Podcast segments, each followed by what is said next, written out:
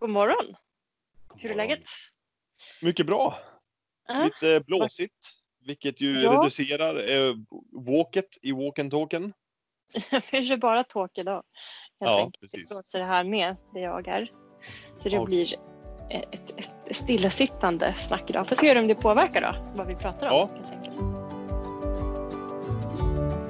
Välkommen till Molodi Podcast, en podd där vi pratar om utveckling, framgång och lycka.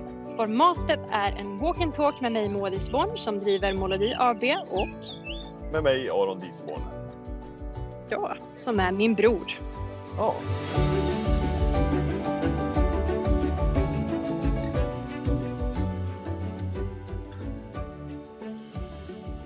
Jag har tänkt att vi ska gräva ner oss lite grann i, inte gräva ner oss, lät så negativt, gräva peppa upp oss. Peppa upp oss på en topp. ja. Eh, som handlar mer om livsövergångar men kanske i ett också så större kollektivt sammanhang.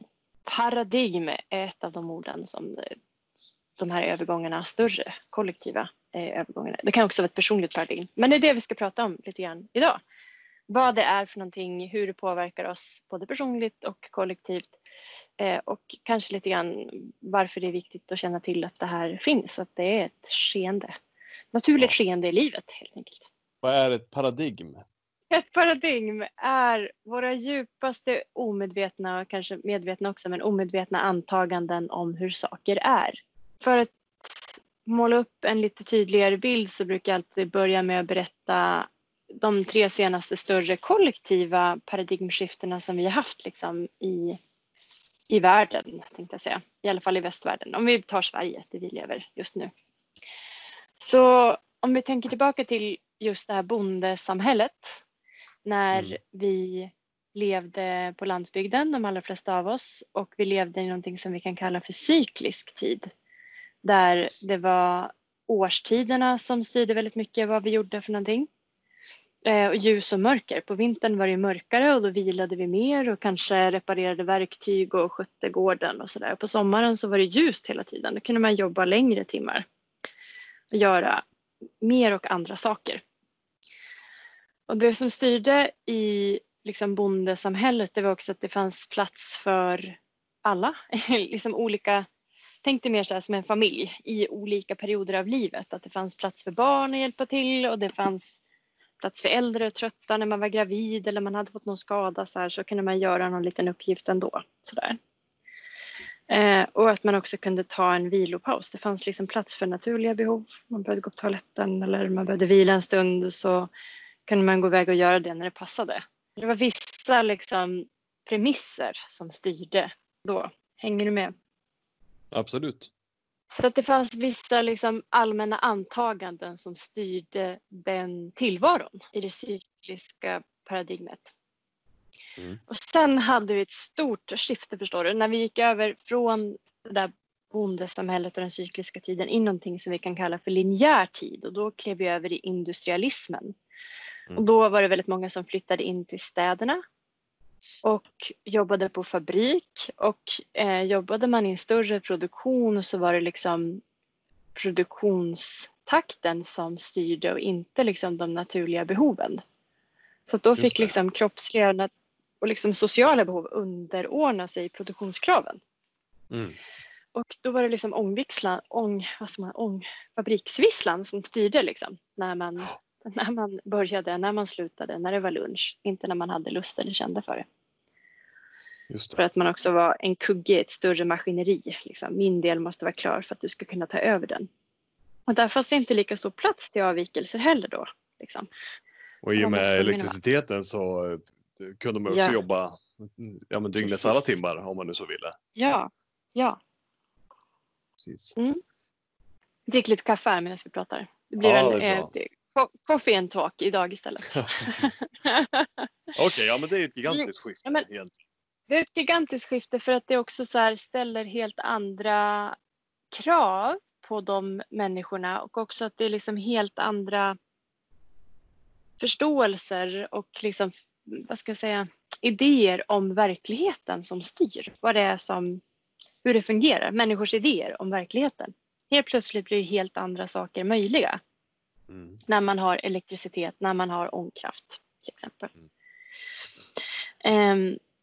Mm. Och jag tänker ett sånt här paradigmskifte också på en större nivå. Det sker ju när våra idéer eller slutsatser om verkligheten utsätts för tillräckligt många avvikelser från Mm. hur vi trodde att det var. Ja. Mm. Mm, vi kan lämna det vid det. Vi kan ju gräva ner så mycket som helst i det där. Men ja. Och sen tänker jag att nästa stora paradigmskifte som vi fortfarande faktiskt på något sätt är inne i nu, det är att vi har gått från den här linjära tiden till någonting som vi kan kalla för lasertid. Eller liksom digitaliseringen. Ja. Jag brukar säga att den inträdde ju någon gång där på 90-talet skulle jag säga när staten bestämde någon gång att man fick köpa ut en hemdator billigt. Alla statligt. Jag vet inte om du ihåg det? Vi, hade, vi fick också en burk som vi hade på övervåningen. Mm. Och så satt man där och kopplade upp modem. Fick man liksom så här starta upp datorn och så fick man vänta en kvart. Precis. Och så fick man ropa så om det ringde bara nej lägg på, jag är på internet. Ja, precis. För det kunde inte vara, man kunde inte prata telefon, hemtelefon eh, och vara på internet samtidigt. Nej precis. Så Precis. Nej. Precis. Men det tyckte jag var fett. Ja. Att ha en dator och helt plötsligt kunde man prata med folk så här, online. Och, Mm, så det var ju en ganska stor omvälvning och det är ju ett paradigmskifte som du och jag har varit med om i våra liv. Ja, enkelt. definitivt. Och också att det är fyra år mellan dig och mig men också just tänker jag skolarbetet och sådär. För mig, jag fick ju hela min gymnasietid till och med lämna in mina arbeten skriftligt för hand men det tror jag skiftade. Eller på diskett om man var lite high tech. Det. och så här, man måste vara jätteförsiktig med de där. De hade så mycket lösa delar så att de inte liksom gick sönder i väskan. Nej, precis. Men du fick ju lämna in bara digitalt, minns jag rätt? Ja, det, Du det skrev jag ju- i alla fall. Mycket Mm. mer. Ja, Så det är bara på några år Du som det sker en mycket- jätteförändring. ja exakt. Ja. Mm. Så det är ju en, den en, ja, och också det bara att var mans information är tillgänglig för typ alla som har en digital device av något slag. Mm. Det är ju också en otroligt stor omställning från hur det var för hundra år sedan. Verkligen. Men, men du säger att det, med paradigmskifte, det är när, vi, när, det liksom, när man omkullkastar allt det vi trodde var sant, alla de sanningar vi höll eh, som självklara. Kanske inte alla, men det är tillräckligt många liksom för att När de det utmanas. ska om... Att det finns Ja, andra sätt att se på det här. Det finns andra betydelser av det jag trodde var på Ja. ett visst sätt. Jag tänker Ja. på, vi har pratat om det här i andra sammanhang, så är just anställningsbegreppet en sån här bra sak som verkligen Ja, kan omkullkasta idéer om saker och ting. Alltså den klassiska eh, ja, men anställningsrollen, antingen så är det arbetsgivare eller så är det arbetstagare. Det är liksom det som Mm. har varit den, den, den normala uppdelningen eh, ända sedan eh, ja, men industrialismens intåg. Liksom. Mm, mm. Ehm, men det som håller på att hända nu med, med, med det som plattformsföretagen, det är en annan diskussion, men det som har inträtt genom dem, till exempel om man tittar på, Mm. på, på Uber som, som började Mm. göra det Ja, tillgängligt precis. för vem som helst att börja köra taxi fast du inte har en taxiutbildning. Ja, Så det som Ja, förut har varit precis. förbehållet liksom en liten en profession där man får en, en legitimation för att liksom på något sätt kvalitetssäkra att jag har mm. eh, Mm. den kompetens som krävs för att utföra det här. Och så ska man tillhöra ett taxibolag och så är man anställd där. Helt plötsligt Ja, suddas, precis. Suddas sätt, eh, man brukar anställningsbegreppet. säga, ja, det är så, anställningsbegreppet suddas ju ut, men man brukar också säga liksom att eh, nej, men det blir också, vad ska jag säga, digitaliseringen har också gjort det lite mera demokratiskt på ett sätt, att man kan ta sig fram även om man inte har liksom en traditionell utbildning från ett universitet, bla bla bla. Liksom. Nej, men Så absolut. att, eh, mm, mm, mm. Nej, men det som förut också har varit en, på någon typ av eh, liksom, yrkesmonopol som ägs av en institution, då, till exempel så här, Mm. taxibolag. Mm. Helt plötsligt så kan Mm. vem som helst som har en telefon och en bil eh, börja köra taxi så länge man håller sig Ja, lagets gränser. Liksom. Och samma sak Mm, är egentligen mm. med det som, det som Youtube och de plattformarna har gjort. Eh, förut så Ja. till exempel att vara eh, skådespelare. Förut var ju det Mm. förbehållet de som har studerat, man kan ha, ha ja, men, pluggat. ja men eh, eh, precis. Mm. teater. Jag har inte tänkt på just den. Men det, Nej, och plötsligt kan, skulle du vilja eh, utöva skådespelarskap så skulle Ja, du kunna starta en jag. YouTube-kanal Ja. imorgon. Och Ja. är, du, är du tillräckligt bra på det, är det tillräckligt många som tycker att det är roligt, då kommer du kunna göra en karriär utan att ha gått de gamla normala vägarna för att bli Ja. skådespelare. Precis. Och det finns ju flera sådana där. Jag tänker att det, vi har ju, om vi samlar ihop några stycken, tänker jag. Eh, Spotify är ju också en sån plattform. Har ingen egen musik men distribuerar den. Um, Airbnb är ju också så. De har ju, det Värld- är en hotellkedja. Ish, Världens liksom. största De har ju hotellkedja utan att ha ett enda. Ja. Ja. Ja, precis så. Ehm, och samma sak med Uber. Liksom. Både, eh, ja, både tänker jag, de har ju massa andra grenar nu. Är du kvar? Ja, absolut. Du kan ju hyra en helikopter genom Uber Mm. om du vill det. I, inte, inte där jag befinner mig just nu, men i Ja, större precis. städer. Ja. Så det är också så här att de samlar ihop. Liksom. Precis. Ehm, ja, Men utbildning är väl också en sån sak som, som är typiskt sån där som måste förändra synen på. Alltså det, Ja. det är inte bara, det, det är fortfarande en viss tyngd i och en viss liksom, validering om du har studerat vid, ett, vid en institution som på något sätt Mm. kvalitetsstämplar det du har lärt dig. Men som du sa, att den, all den kunskap som finns finns ju tillgänglig för vem som helst när den personen helst önskar. Genom ja men internet. jag tänker det som är utmaningen då. Nu, precis, nu ska vi plocka in det här. Vi pratade lite grann om ehm, personliga vs liksom, eh, vad ska jag säga, kollektiva paradigm. Naturliga enskilda paradigm skulle man kunna säga är så här att få barn, flytta eller närstående stöd. Naturliga kollektiva paradigm är liksom övergångar mellan industrialismen och internetåldern eller att det blir ökade virussjukdomar och miljökatastrofer. Just det. Um, vad Ja, bra jag säga med det? Ja, men precis. men att det tvingar oss att komma till nya insikter och slutsatser som är väsentliga i vår anpassning till livet. Liksom. Ja, Mm. nu kommer jag till det där med utbildning. Att det jag tänker med utbildning och vad som bjuds idag, att det blivit en otrolig explosion av information. Mm. Att liksom vikten av att filtrera information och sortera och sätta dem i sitt sammanhang. Det är ju som att bygga ett pussel idag. Eftersom Mm. allt egentligen är möjligt då. Du kan utbilda dig själv inom vilket ämne som helst. Liksom. Så eh, lägger det så otroligt stort ansvar tycker jag på varje individs axlar. Så Verkligen. det vi behöver hjälp med är liksom att sortera. Jag tänker att Mm. bara jag älskar eh, TED Talks. Där är liksom många av världens bästa föreläsare finns ju tillgängliga för mig. Där jag behöver inte vara knuten till ett universitet för att få tillgång till dem längre. Just det. Ehm, men, men det blir också svårt nu när de har en miljard olika bra talks. I början var det lättare. Ja, precis. kunde man Då kolla sitt ämne så kunde man- Ja, precis. Och sen så exploderade det till massa små subgrenar. Ja. Ja. Det är väl därför som det har blivit, tycker jag, att jag själv blir att jag söker mig till vad ska jag säga, personer som är experter i min värld. Eh, som har samlat data om något område som är viktigt för mig och hjälper mig att filtrera den datan. Precis som liksom, eh, Uber gör. Eller som, ja, men om det till exempel handlar om eh, ekonomi och liksom ekonomiskt IQ. Då vänder jag mig gärna till min eh, vän Jan Bolmesson på Rika Tillsammans. För han har samlat så extremt mycket bra data under sedan 2007 liksom, kring Ja. eh, privatekonomi, hur man ska tänka, vad man ska göra. Så då blir ju han en expert där. Liksom. Just det. Medan ja, den precis. sån slags exportroll har ju varit förbehållet eh, banker till exempel. Mm. Eller ekonomiska rådgivare. Mm. Eh, så att jag tänker att det är, finns en större och ett otroligt mycket större behov också av personer, kanske också då Ja, jag vet inte. Det kräv, det, man behöver liksom hitta folk som hjälper till att tratta ner information inom de områden som man är intresserad av för att det är alldeles för mycket. Jag tycker att det är det som är utmaningen i det paradigmskiftet eller paradigmet vi är i nu. Liksom allt är tillgängligt. Allt är tillgängligt och framförallt att det går väldigt, väldigt snabbt i och med att det Ja, kan förändras ja. så otroligt snabbt. Så det- som du säger så Säg ställer det otroliga krav.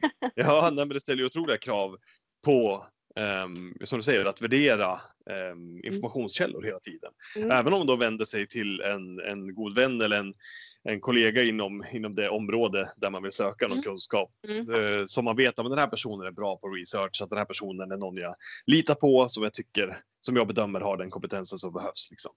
Eh, Mm. Men så måste man också omvärdera det hela tiden. Är det här fortfarande relevant? Har den här personen fortfarande så pass bra koll?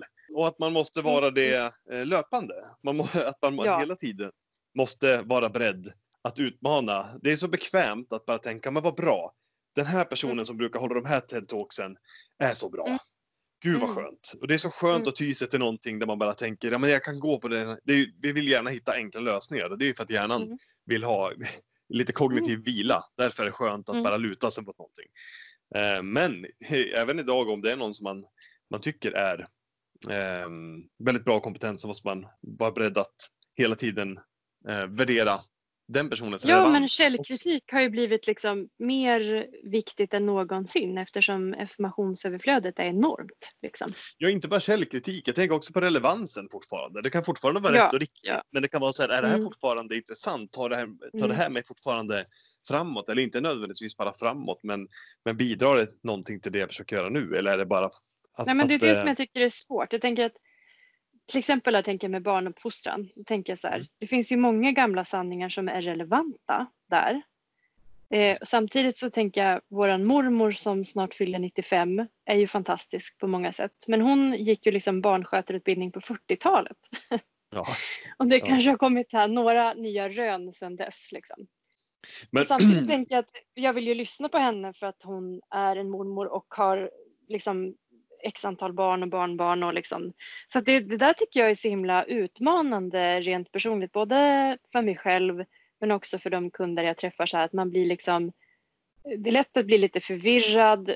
Så här tycker jag, antingen så blir man lätt förvirrad eh, och blir så här trött och tänker så här, jag orkar inte. Jag låter någon annan ta beslut eller bestämma eller orkar inte källgranska eller tänka efter om det är relevant.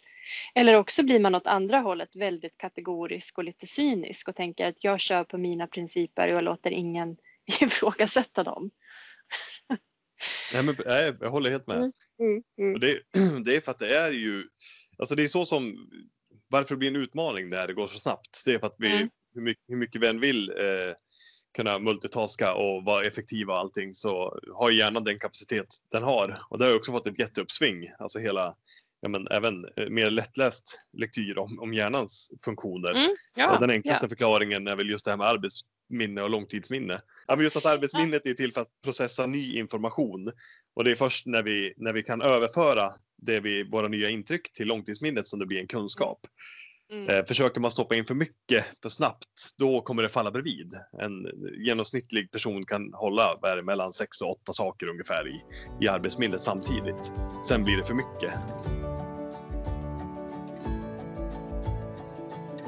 Just med att, eh, att, det, att det går så pass mycket snabbare, att vi hela tiden i varje stund när vi läser en artikel, när vi lyssnar på en podd och så vidare. När någon lyssnar på den här podden så är det också rimligt att man faktiskt funderar, ja men låter det här Låter det ens rimligt, det som du pratar om? Det är väl inte Ja, påhittat precis. det här om hjärnan? Då kanske man drar en snabb googling på det för att dubbelkolla. Finns det... Eh, Kan man lita finns- på Google då Aron? det kan man om man är bra på att bedöma eh, Ja, vilka källor Källor. Mm. Mm. Ja, men så är det ju. Det, det är ju Mm. större om du, om du läser, eh, hamnar på en artikel från en vetenskaplig tidning så är det, ju, det större chans att det är korrekt än om att du läser det på någon random blogg någonstans. Ja, precis. Men jag tänker det är det som är också utmaningen tycker jag. Speciellt också för de som inte är liksom födda in i det digitala paradigmet utan behövt ställa om under sin livstid. Som där kommer inte det lika naturligt. Liksom. Nej.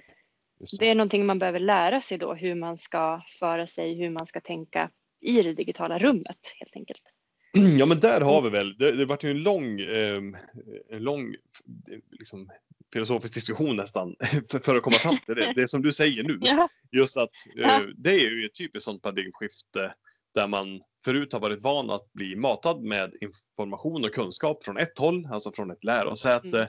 eller från facklitteratur. validera Och så är det. Ja, så är det så. Nu har jag läst det här, det är på det här sättet det är och så kan jag gå ut och veta att det är så här det förhåller sig. Samt, Mm. och samtidigt som idag när både sanningar förändras så pass snabbt och när nya rön eh, presenteras i allt snabbare takt också. Ja, Där har du det är det också tänker jag. Det går ju mycket fortare också att man får reda på de nya rönen som är gjorda. Jag tänker det är det också. Att man, liksom, det behöver inte presenteras i Haag och sen så liksom är det någon med häst och vagn som ska ta den informationen upp till Europa. Eller, liksom, eller upp till Norden. Liksom, utan det går ju väldigt mycket fortare när det kommer sådana nya rön också. Det är väl det som gör att strömmen av information ökar också. jag plockar upp något intressant som du sa tidigare. Just också så här att jag tänker den här jag tänker att det finns en glitch liksom. Det finns en utmaning med den här snabbheten i informationsflödet och informationsutbytet och att vår hjärna fortfarande är 40 000-årig och ganska långsam. Mm. Ja. Jag tänker att vid, vi vid liksom livsövergångar beter oss ibland ganska ologiskt genom att hålla fast vid gamla övertygelser trots att vi vet att, de, eh, liksom att en förändring har inletts i våra liv. Jag tänker mm. att det där är också att vår hjärna alltid försöker spara energi eftersom det är vårt mest energikrävande organ. Och att vi mm. liksom vill hålla fast vid de här vanorna och slutsatserna för att det skapar en trygghet och ett lugn. Det känns som att vi annars behöver ifrågasätta allt vi trodde var sant och att hela världen håller på att rasa samman. Det kan vara den känslan. Liksom. Ja. Det är som att vi skapar liksom ett skönt litet inbäddat mentalt rum för oss själva. Som vi mm. vet vart allting står och hur det fungerar, att det är hemtamt. Liksom. Ja, ja, precis. Men då har vi liksom, jag tänker att med det här samtalet så vill vi också så här, vi vill också lyfta just att det är lätt att, att hjärnan motarbetar på något sätt att vi har glömt att det här att, att världen är ständigt föränderlig och oförutsägbar. Det är det som är normalt. Mm. Eh, men att vi mellanåt liksom har det här härliga inbäddade rummet. Liksom. Ja. Som en mental livmoder. Ja, ja men verkligen. Nej men det är men absolut, och det som du säger med att hjärnan inte har utvecklats jättemycket, det är väl uh, Anders Hansen som hade ett uh, bra tv-program mm. i sex delar om hjärnan. Ja, men just att mm. kontentan där är väl att hjärnan inte har utvecklats jättemycket på 10 000 mm. år. Uh, mm. Samtidigt som allt omkring oss har utvecklats otroligt mycket jämfört mm. med hjärnan. Precis. Ja, ehm, precis. Um, och då kan man förstå det... vilken utmaning vi är i just nu och också vilka slitningar det kan skapa. Liksom. Ja. Och då, för att knyta tillbaka till det, liksom att eh, just att det finns de här eh, eh, naturliga enskilda paradigm och naturliga kollektiva paradigm. Också mm. att vi är inne i ett väldigt stort, natur, liksom ett naturligt kollektivt paradigm just nu. Också tänker jag med den här pandemin som är pågående. Så har ju det också bidragit till nya sätt att se på social samvaro. Och att jag tänker på när jag ser tv-program till exempel som är inspelade innan den här pandemin där man i så här, tävlingsprogram kramar om varandra och liksom skakar hand helt eh, utan att reflektera. så känns det lite så här hopp, hopp, hopp nu. Eh, än för tolv månader sedan att folk står väldigt nära varandra. Eh, det är ingenting som jag tänkte på i, liksom, i juni, juli förra året. Eh, Nej, så det har blivit ett nytt normalt att jag inte man liksom stämmer av så här. Det blir väldigt intimt med kramar. Det är liksom närmaste familjen bara. Ja, ja. Det är ja, också någonting nytt. Det är intressant att se hur det, hur det lever kvar sen. Eh, också mm. hur länge den här pandemin pågår. När kommer nästa?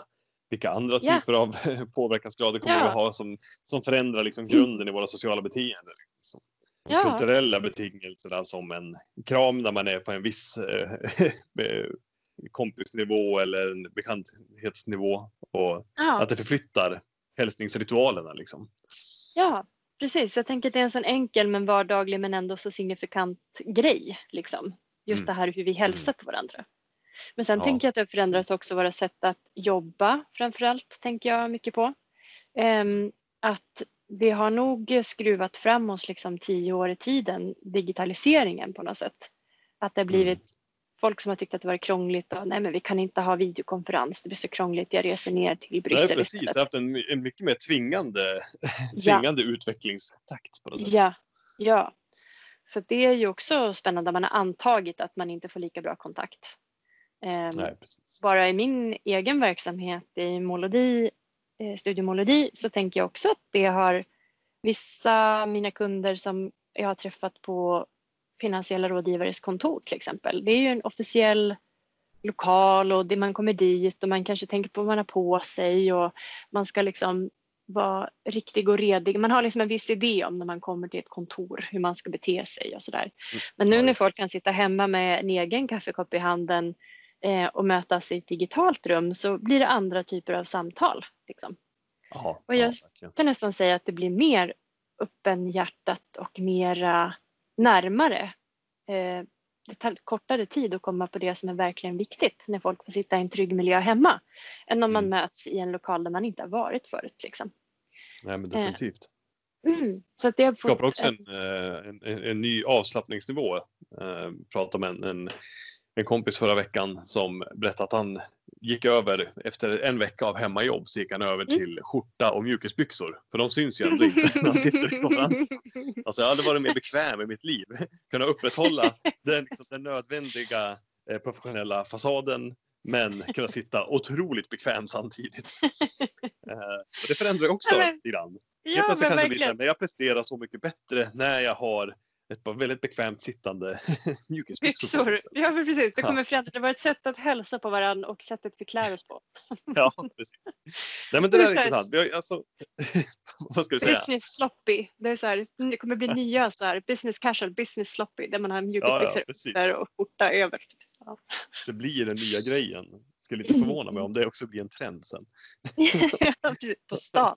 Ja, precis. precis. Ja, Corona-chic. Ja. Men Nej, om vi men då ska... har vi, ja, men på de stora förändringarna, ehm, Mm. liksom det, det kollektiva paradigmet, det har vi varit inne mycket på. Men, men på det personliga då, för att bara beröra det lite mer. Du sa några exempel på vad ett personligt liksom, Alltså Ja. vi pratar ju om, om, förändrings, om förändring, pratar vi om i den här podden Ja, ganska mycket. Ja, Eh, mm. Alltså att, att göra övergångar genom olika livsskeenden eller genom, ja, när någonting Ja. händer i livet. ja, så för, för att summera ihop lite grann så här. Livsövergångar är naturligt. Det kommer ske med jämna mellanrum över livet. Och det är det som vi inte pratar om tillräckligt mycket. Här vill jag liksom lyfta upp det. Så att jag tycker att de allra flesta blir så chockade när de här livsövergångarna eh, infinner sig. Att man blir så här, men gud, vad händer nu?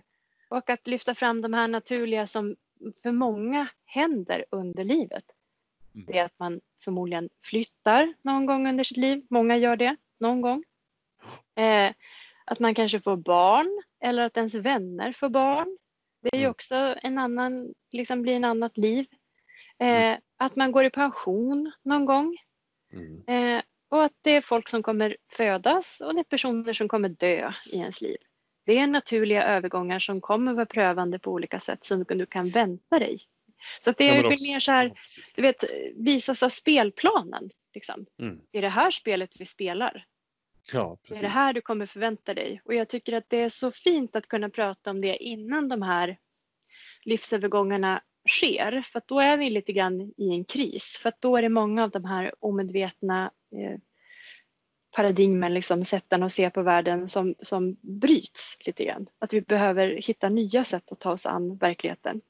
Så då är det Mm. svårare att eh, förstå eller liksom svårare att ta sig, in, ta sig an det. Och vet man om det redan innan då kan man skapa strategier för att eh, klara de här livsövergångarna på ett eh, lite smidigare sätt. helt enkelt. Ja, precis. Det handlar inte om att undvika eller att liksom utmanövrera de här livsförändringarna. utan Det handlar om att faktiskt vara medveten om vad det är som händer när det händer. Ja, precis. Men Eh. tänk bara det att vi pratar om det här, att det normaliserar eh, det. Ja, Så att man vet att det är det som sker, att det kan vara ett personligt naturligt paradigm, ett enskilt paradigm, men det kan också vara de här större kollektiva, att det är därför det känns lite råddigt just nu. Jag vet inte hur det är med dig Aron, men eh, för mig så brukar det säga jaha, känna att det landar lite mer. Jaha, är det så här det är? mm. Är det därför det känns som Vet man varför, då är det lättare att bära på något sätt. Liksom. absolut. Och jag tänker att för att summera ihop det så tänker jag att du bör ständigt vara beredd att pröva dina mest omhuldade slutsatser. Mm. Att det är det som gör att det blir lättare att ta sig igenom även lite prövande perioder i livet. Mm. Och att också vara medveten om att det är det vi har. Hjärnan behöver dra slutsatser om hur verkligheten är strukturerad för att kunna fungera. Ja. Eh, hjärnan är byggd för att dra snabba slutsatser, annars skulle det vara så krångligt allting och ta väldigt mycket energi bara det att gå upp på morgonen och klä på oss. Hur var det nu igen? Skulle man stoppa benen i de här byxorna eller var det armarna? Det var liksom, Ja, åh, hur var det nu? Utan vi Ja. behöver dra slutsatser om att byxorna ska sitta på benen. Förmodligen balanserar vi på samma ben varje morgon och stoppar ner höger eller vänsterbenet först. Mm. Eh, Så att vi behöver ta de där slutsatserna. Men för att summera så just att man bör vara beredd att ständigt pröva sina egna mest omhuldade slutsatser oavsett hur mycket man älskar de där slutsatserna eller inte. För det gör Ja. att man på ett mer, eh, lite lättare sätt tar sig igenom även lite knöliga perioder i livet. Det är lite grann som ett livets kill your darlings. Ja, precis. Jag orkar inte förklara begreppet kill your darlings, men det kan ni googla på så förstår ni vad. Det kan är när, man har, när man har skapat någonting eh, som man tycker är väldigt, väldigt bra. Du men det betyder inte inte att det förklara det. bidrar till helheten. Nej, men jag var tvungen att göra det nu ändå. Ja, men när man har skapat någonting man tycker är väldigt, väldigt bra, men det bidrar inte Ja. nödvändigtvis till den stora bilden på något positivt sätt. Nej, Och då kan man vara tvungen att överge någon tanke som man tycker är väldigt bekväm eller väldigt härlig eller nostalgisk för mm. att den inte längre är vettig eller relevant. Liksom. Ja, det kanske inte är praktiskt längre alls Nej. att ha med sig den där mm, idén. Nej men verkligen, så, så, så är det. Och jag tänker också där att kunna lita på att du kommer hålla genom den här livsförändringen och den här livsövergången också. Du kommer att klara av den. Många människor har klarat den här livstypen av livsövergång innan dig. Det kommer att gå bra. Även om det känns som att hela världen vacklar och att det är jordbävning. Det Mm. kommer att gå bra. Och också brukar jag tänka på mina värsta dagar i mitt liv hittills. Så brukar jag tänka så här, det här är en riktig skitdag, hur ska det ens gå? Liksom? Hur ska jag Mm. komma till imorgon? Det brukar jag tänka så här, att jag har ganska bra track record på att klara dåliga dagar hittills. Ja, precis. 39 år har Ja, funkat. Liksom. Ja, 365 Hittills har du inte lagt dig 34. ner och bara försvunnit ut i Nej. intet. Nej, det gick bra. Ja. Och då, då brukar det stärka mig den tanken just att jag är ganska bra. Det, Ja. det har gått bra hittills. Mm, och att många har klarat det innan mig. Så det kan vara en liten tröst och att jag också är någonting mer än just mina slutsatser. Att jag är mer och att vi också så himla gärna vill identifiera oss själva med våran hjärna och vad vi tänker. Men vi har ju också faktiskt en kropp Ja, Eh, man tänker kropp och knopp, att kroppen är en egen biologisk varelse som är ganska smart och kommer att leva vidare oavsett om vi behöver släppa några tankemönster som vi omhuldar så gärna. Liksom. ja, ja, men exakt. Så, Så att vara medveten om- om, eh, ja men precis, kollektiva och personliga paradigmskiften. Att Mm. vara villig att utmana sina mest omhuldade sanningar. Mm, Det är liksom två Yes. grundrecept för att vara jäkligt bra förberedd för förändring. mm, mm. Och bara känna till att det finns liksom, i Ja. enskilda paradigmskiften och kollektiva dito. Och att livsövergångar och paradigm är olika ord för samma sak helt enkelt. Ja. Ja men grymt! Cool! Yes! Så vi känner oss nöjda där för dagen. Done. Yes. det gick ju bra att sitta still. Det gjorde det. Jag, jag har vankat av sak. an här på, ja men precis. Gått i cirklar på inglasade altanen här. Ja, vad härligt. Grannarna undrar, vad gör han? Ja. Ja precis så. Ja. Men grymt. Ha en härlig dag. ja, men detsamma. Hörs vi snart. Det gör vi. Mm. Hej då!